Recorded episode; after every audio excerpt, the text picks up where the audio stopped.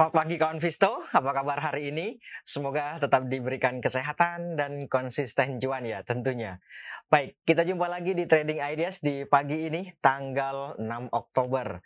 Dan seperti biasa, sebelum kita membahas tentang ide di trading, ada baiknya kita review dulu pergerakan ISG di perdagangan kemarin. Ya, kemarin indeksnya mampu di YouTube menguat. Akhirnya di YouTube menguat gitu ya. Meskipun ya banyak catatan tertentu gitu ya. Di YouTube menguat berada di level 7075. 7075. Ya, oke okay sih. Penguatannya tipis banget yaitu 3 poin atau kalau secara persentase ya 0,04 persen, 0,0 persen, 0,04 persen. 3 poin minus eh minus tipis banget Nah, melihat dari pergerakannya memang sejak awal perdagangan indeks sebenarnya sudah berada di jalur yang bagus gitu ya. Muncul dorongan beli yang pada akhirnya membawa indeks bergerak menguat dan itu bertahan terus dorongan uh, dorongan belinya terus bertahan. Kemudian sampai dengan akhir sesi pertama itu masih uh, dorongan beli masih relatif mendominasi pergerakan indeks. Jadi di sesi di sesi pertama kemarin indeksnya bisa dibilang bergerak cenderung menguat gitu. Nah, tetapi bagaimana sesi kedua berbeda dengan sesi pertama. Di sesi kedua ini justru yang muncul adalah sebaliknya, tekanan jual yang terus-menerus. Ya, yang praktis menghapus penguatan yang terjadi selama sesi pertama. Bisa dibilang demikian. Jadi meskipun uh, indeksnya di buka menguat eh sorry dibuka. Meskipun indeksnya ditutup menguat tipis pada perdagangan kemarin sebenarnya kalau secara keseluruhan karena memang opening price-nya itu lebih tinggi dibandingkan dengan closing price makanya bisa dibilang akhirnya ya cenderung melemah juga jadinya. Gitu ya.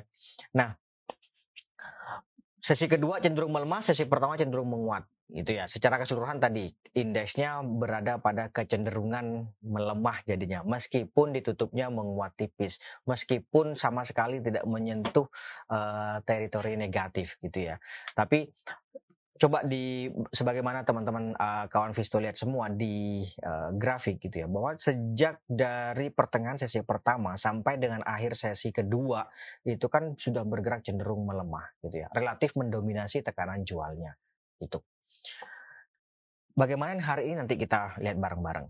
Nah, dari ya walau bagaimanapun ini kan tetap ditutup menguat ya, menguat tipis lah meskipun ya. Dari penguatan yang terjadi di, di indeks itu, saham apa sih sebenarnya yang uh, membawa indeks menguat tipis itu?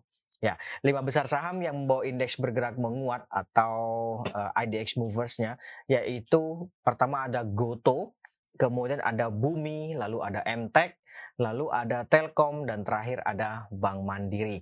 Itu dia lima besar saham yang uh, membawa indeks menguat tipis. Sementara lima besar saham lainnya yang uh, apa namanya menghambat laju penguatan indeks itu, yang pertama ada Bank BRI kemarin ditutup melemah uh, eh, 2%.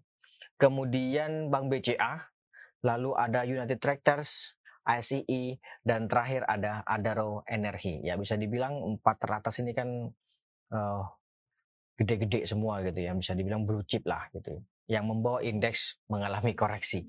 Mem setidaknya bukan mengalami koreksi, menghambat laju penguatan itu yang benar. Oke, itu dia lima besar saham yang mencoba untuk menghambat laju penguatan indeks. Bagaimana dengan transaksi asing? Ya, di perdagangan kemarin asing sendiri mencatatkan net buy sebanyak 77 bio. Itu di pasar secara uh, keseluruhan ya, net buy-nya yaitu 77 bio. Tapi kalau kita rinci di pasar reguler sendiri asingnya mencatatkan net sell yaitu sebanyak 220 bio ya sedikit sih tapi lumayan lah gitu ya. Nah di pasar non regulernya aslinya mencatatkan net buy sebanyak 298 bio. Ini di pasar di pasar non reguler ini uh, kalau tidak salah terjadi neg, uh, terjadi transaksi di BCA ya. Transaksi nego di BCA atau non reguler di BCA. Tuh. Oke, itu dia untuk uh, transaksi asing. Nah, karena kita bicara di reguler, dari net sell asing yang terjadi di pasar reguler itu saham apa sih sebenarnya yang banyak dijual oleh asing? Ya, lima besar saham yang banyak dijual oleh asing. Yang pertama ada Bank BCA, kemudian ada Bank BRI, lalu berikutnya ada juga Bumi, Bumi masih mengalami tekanan jual juga. Lalu ada BRMS dan terakhir ada Astra Internasional. Itu dia lima besar saham yang banyak dijual oleh asing. Ya termasuk juga ada ITMG sih, ITMG, Mega, Tebik, ya, kayak gitu-gitulah. Tapi itu masuknya ke 10 uh, besar tuh ya yang banyak dijual oleh asing.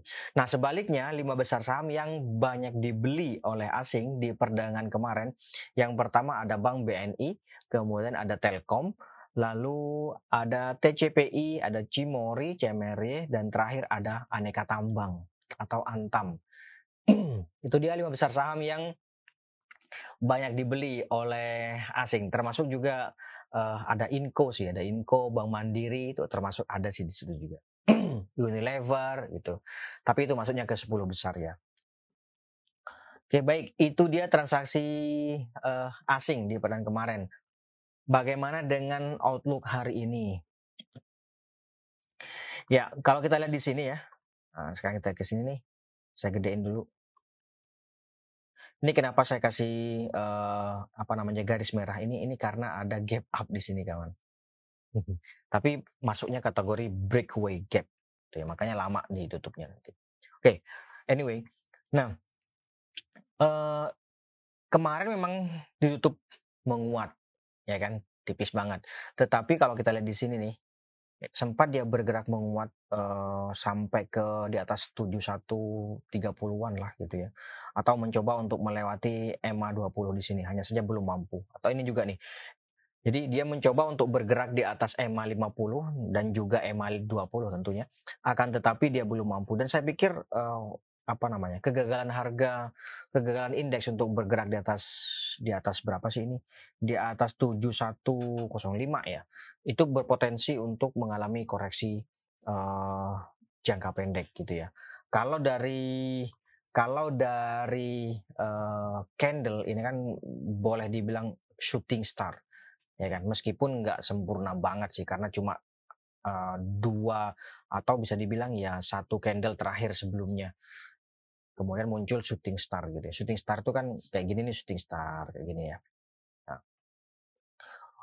Oke, dan itu menandakan tekanan jual masih relatif mendominasi di perdagangan kemarin meskipun ditutupnya menguat. Jadi hari ini pun diperkirakan akan kembali uh, apa namanya? melanjutkan tekanan jual yang ada, berpotensi untuk muncul kembali tekanan jual yang ada. Jadi hari ini diperkirakan akan kembali bergerak fluktuatif dan kecenderungan masih melemah terbatas. Bisa saja sih di awal misalnya dibuka menguat gitu misalnya kayak kemarin gitu kan. Terus kemudian seiring yang berjalannya waktu penguatannya semakin menipis semakin menipis. Atau bahkan langsung ditutup melemah. Tapi kayaknya sih ada potensi untuk malah ada potensi untuk terjadi panic selling juga sih ya kalau kalau misalnya nih hari ini dibuka dia gap down uh, cukup menarik sih tentunya cukup menarik sih karena kan misalnya ada uh, apa namanya panic selling dibuka di 7050, nah itu menarik sih. Misalnya dibuka di 7050 indeksnya gitu ya. Kemudian dia bergerak melemah, melemah, melemah, melemah. Nanti kalau dia rebound sampai di atas 7050 itu boleh ikutan sih. Itu ya. Jadi kalau secara keseluruhan dengan pergerakan indeks seperti ini, maka rekomendasinya adalah ya yang punya barang take profit dulu, yang belum punya buy on weakness gitu ya, secara keseluruhan. Oke, itu dia untuk ISG-nya. Ring pergerakan masih sama sih. Kemarin kan tipis ya pergerakannya. Jadi 7030 sampai 7140-an lah masih di level-level itu.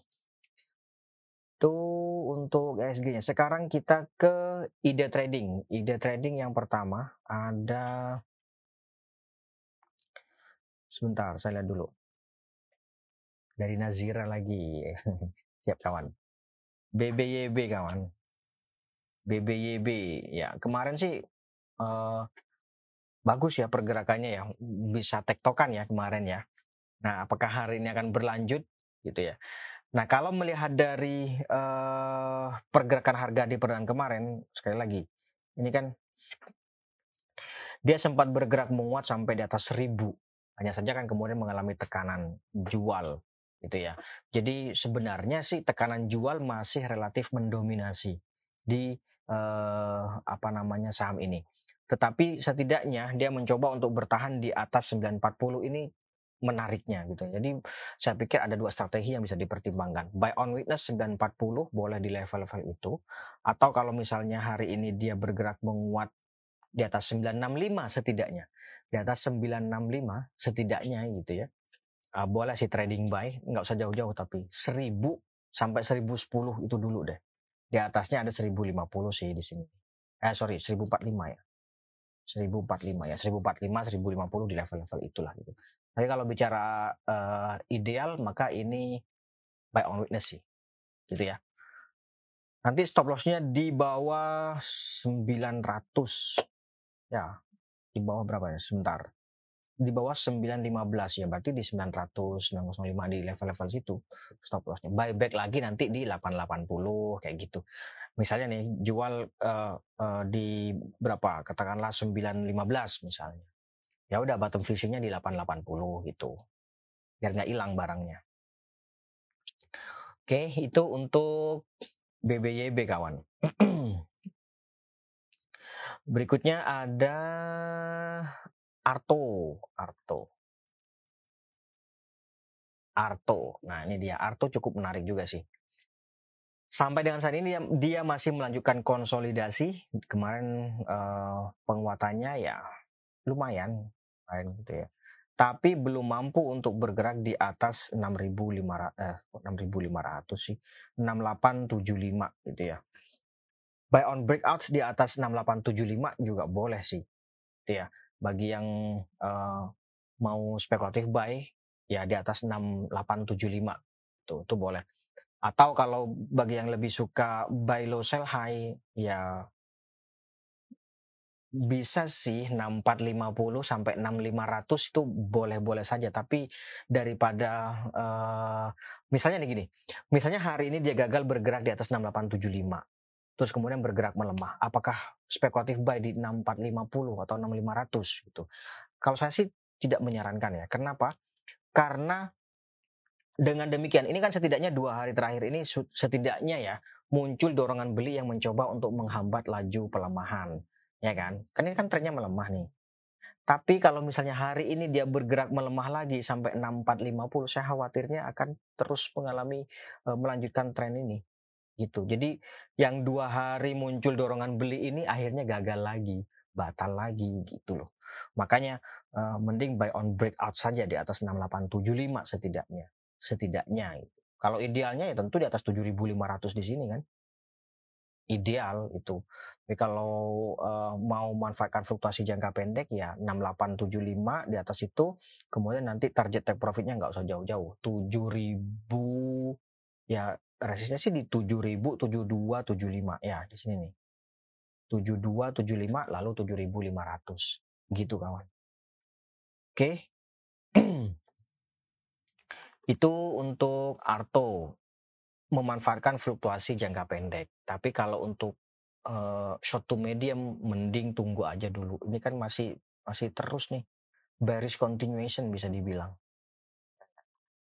Nanti di atas ini aja di atas 7.500 atau bahkan di atas 8.000 kalau sudah confirm dia mengalami reversal baru ikutan. Itu untuk short to medium. Kalau untuk short term ya manfaatkan fluktuasi harga aja. Gitu ya. Oke, itu untuk Arto. Kita lanjut. Ada United Tractors. Nah, nih kita lihat dulu uh, gambaran besarnya seperti apa. Nih, bagi yang belum punya dan mau nyimpen uh, short to medium atau tiga bulan, ya pokoknya nyimpen lah gitu ya. Apakah boleh masuk? Idealnya sih buy on weakness di level-level sini nih, 30 ribuan ya setidaknya di sinilah 31500 gitu ya. Itu idealnya ya. Untuk short to medium ke atas, maka ini idealnya adalah buy on weakness. Tuh, sini nih kawan. Tapi kalau untuk memanfaatkan fluktuasi jangka pendek, saya mainnya jangka pendek sih. Uh, apa namanya? Uh, memanfaatkan fluktuasi jangka pendek fluktuasi harga dalam jangka pendek. Resisten levelnya 34.050. Sebentar kawan. Nih saya kasih gini ya di atas ya. Nih. Nah, di sini 34.000. 34.050, 34.000 lah gitu ya. Nah, itu dia resistnya. Jadi selama lebih dari sepekan terakhir ini dia kan mengalami konsolidasi nih, mencoba untuk bertahan di atas EMA 50 ini. Jadi bisa saja sih buy on weakness 32900 kayak gitu-gitu ya. 32900 atau ya berapa ini? 32600 di level-level itu nanti target take profitnya di kisaran 3 3700 sampai 34000 di level-level itu kalau mau memanfaatkan fluktuasi jangka pendek. Tapi kalau mau uh, yang jelas satu mediumnya ini mending buy on weakness. Berarti kan ada masih ada potensi untuk mengalami koreksi terlebih dahulu. Gitulah ya. Itu. Itu untuk satu mediumnya. Kalau untuk fluktuasi jangka pendek ya itu tadi. Mainlah di support uh, antara support dan resistnya itu. Gitu ya. Oke, itu untuk UT. Kemudian Berikutnya ada Selis. Selis. Nah, kemarin keren sih. Saya gedein dulu kawan. Nih, ah, gini deh. Ya enggak? Selis ini, ini kemarin kan mampu YouTube menguat nih lumayan oke okay sih, bukan lumayan sih. Oke okay juga sih ini. Cuman sekali lagi, kalau bicara ideal, maka tetap sih idealnya ini adalah buy on weakness. Kenapa demikian? Nih, karena stokasinya kan cenderung melemah juga nih. Ini ada potensi untuk uh, eh, MACD-nya juga ada potensi untuk mengalami death cross. Ya. Jadi kalau bicara ideal, tentu ini adalah idealnya buy on weakness gitu. Boleh di di 340-an sih di level-level sini. Nah, itu yang pertama. Tapi bisa saja trading buy targetnya di sini nih. Paling dekatnya sih di sini ya. Ini berapa ini? Tar. 410. 410 cukup nggak? Kalau cukup oke okay sih. Kemarin kan 390 nih. Uh, coba aja lihat hari ini. Kalau opening price-nya misalnya dia dibuka melemah karena kan ada potensi untuk terjadi panic selling gitu misalnya. Misalnya dia dibuka melemah, katakanlah di 38 6 misalnya atau 384 kemudian dia bergerak menguat di atas 390 boleh sih ikutan. Nanti target take profitnya di 400 sampai 410 di sini kawan. 410 ideal lah cukup ideal lah gitu ya. Nah, itu. Tapi kalau misalnya dia uh, dibuka melemah kemudian nggak bisa menguat mending tunggu lagi aja sih itu jadi ada dua strategi ya. Yang pertama kalau bicara ideal tentu buy on weakness di level-level sini atau ya saya nggak suka sih uh, buy low sell high. Saya lebih sukanya buy high sell higher misalnya gitu. Tapi ini udah apa namanya terlalu dekat dengan resistnya gitu. Ya udah buy on breakout di atas 410 itu kalau buy high sell higher. Karena kenapa? Ini kan resistnya bisa dibilang cukup kuat lah 4 di 410 ini gitu ya. Kalau misalnya ini dinilainya nggak cukup dari dari 390 ke 410 tipis banget gitu misalnya nggak cukup ya udah tadi buy on breakout sekalian di atas 410 gitu. Nah, setidaknya kalau ini beda lagi ya, setidaknya kalau bagi yang uh, uh, mau memanfaatkan fluktuasi jangka pendek, setidaknya misalnya dia dibuka melemah, kemudian dia bergerak naik di atas 390, bisa saja sih ikutan spekulatif buy, nggak usah jauh-jauh, 400 sampai 410 take profit. Gitu. Atau barangkali kemarin saya sudah ikutan kemarin dapat harga di 370, 380 misalnya. Uh, menurut saya sih siap-siap kalau misalnya nggak kuat di 410 atau bahkan 400 nggak kuat, mending TP dulu gitu. Karena TP itu nggak ada salahnya. Di berapapun TP itu nggak pernah salah. Yang salah sudah untung nggak di TP terus turun, terus baru cut loss. Itu fenomena sih. Oke, kemudian kita lanjut. Setelah selis ada auto. Mudah-mudahan bisa dipahami eh, ya.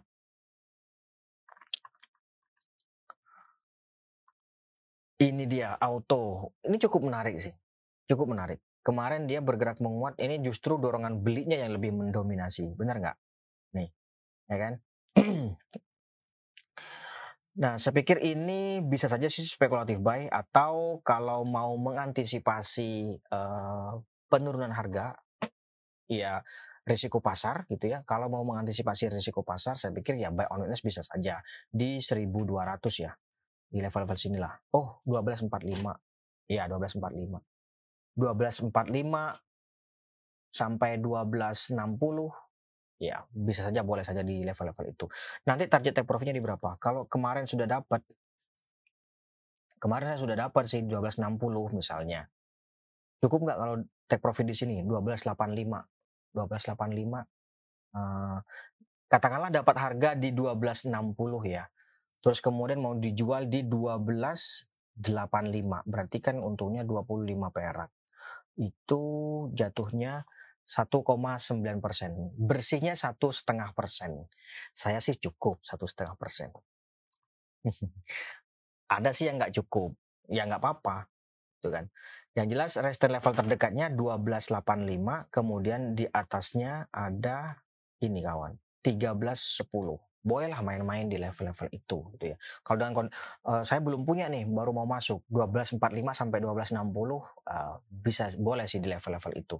Nanti target take profitnya di level. Kalau dapat harga 1245, saya pikir 1285 cukup sih. Ya enggak? Bahkan dapat 1250 aja menurut saya sih cukup. Ya tapi ya jelas untung lah gitu pokoknya. Oke, itu auto. Kita lanjut kawan. Ada lagi RMKE. RMKE. Nah, RMKE ini kemarin sudah uh, mengalami tekanan jual. Saya khawatirnya dia terkoreksi. Jadi ada baiknya dipertimbangkan untuk take profit terlebih dahulu. Ini bisa dibilang dark cloud cover meskipun dia tidak sempurna, gitu ya. Dark cloud cover. Jadi take profit menurut saya sih uh, bagi yang sudah punya ada baiknya dipertimbangkan untuk take profit. Take profitnya di berapa? Hmm, sebentar, 1030 sampai 1000 di level-level itu boleh sih untuk take profit. Nanti bottom visinya di 9 ini kawan, 960 sampai 950-an. Gitu. Oke. Itu untuk RMKE. Bagi saya uh, belum punya mau masuk. Saran saya sih mending tunggu di bawah aja tunggu di bawah atau sekalian di atas 1050 nanti. Gitu. Itu untuk uh, eh, RMKE. Kita lanjut lagi. Ada BBHI. Oh, BBHI. Ya, oke, okay, ini dia BBHI. BBHI kemarin menguat di atas 2100 ya. Lumayan lah ya. Lumayan sih.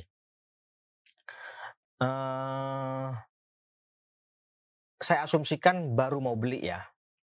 Belum bukan bukan yang sudah punya. Ntar kita yang bahas yang sudah punya juga. Bagi yang mau beli lihat hari ini. Kalau hari ini dia mampu bertahan di 200, 2100 boleh sih ikutan spekulatif buy lah gitu ya. Atau gimana caranya taunya gitu ya. Gini deh. Kalau misalnya hari ini dibukanya di 2100 kemudian dia bergerak menguat sampai di atas 2110, boleh sih ikutan. Dia. Tapi nggak usah ditinggal. Mesti langsung cep, uh, ini kan geraknya cepat sih, bisa cepat nih. 2200 sampai dengan 2280 itu resistennya levelnya. Boleh take profit di level-level itu dulu. Gitu ya. Nah, bagi yang sudah punya kemarin sudah ikutan katakanlah di 2040 atau di atau dapat harga di 2110 ya udah pasang jual tadi 2200 sampai 2280 level-level itu uh, take profit aja.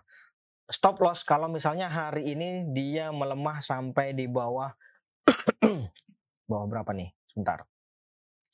2040 Iya, di bawah 2040 atau sekalian di level di bawah level psikologis ya 2000 jadinya.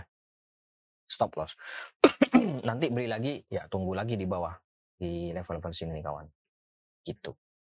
Yang jelas nih ada uh, gap up ya terjadi nih. Pokoknya kalau ada garis merah kayak gini ini berarti gap up kawan. Ini berapa sih? 1580 ya. Tuh. Sama ini breakaway gap. Makanya dia lama ketutupnya. 1580. Serem ya? Oke, itu uh, eh, BBHI. Kita lanjut. Ada lagi BABP. BABP. nah, BABP ini kemarin juga ditutup melemah satu poin, tipis banget. Saya pikir uh, dia sempat bergerak di atas 120 sih. Jadi mending buy on breakout deh di atas 119. Misalnya hari ini dia bergerak menguat di atas 119, boleh dipertimbangkan spekulatif buy, ikutan trading buy. Nanti targetnya 126. Nah, dapat harga 120 ya ya enggak 126 123 pun saya pikir sudah oke okay sih untuk take profit ya enggak yang jelas resistance levelnya berarti di 119 kemudian 123, 123, di atasnya lagi ada 126. Boleh coba main-main di level itu. Kalau supportnya di bawah, ini supportnya di bawah, 114, kemudian 108. Oh, sebentar. 114, lalu 110, kemudian 105. Ya, di level-level itulah. Kalau dapat harga 105, jualnya 110 kayak gitu-gitu kawan. Dapat harga di 110, jualnya 114 gitu. Oke, itu untuk uh, eh, BABP. Kita lanjut. Kita lanjut. Ada lagi apa itu kawan? Kal Kalbe. Kalbe F. Ya, Kalbe kemarin Uh, dia mampu untuk menguat dan sebenarnya sih mengalami konsolidasi. Idealnya ini buy on breakout di atas 1855. Dapat harga di atas 1855, take profitnya di sebentar saya ambil ini aja. Take profitnya idealnya di sini di sini sih ya. Ini cukup ideal untuk take profit di sini nih. Ini berapa nih? 1900 dah. 1900 dapat harga di atas 1855 target take profitnya 9 1900 sampai 1925 di level-level itu. Gitu kawan. Oke, itu untuk Kalbe. Kemudian berikutnya ada MNCN. Mancini. Ya. Kemarin dia mampu di YouTube menguat satu poin sih.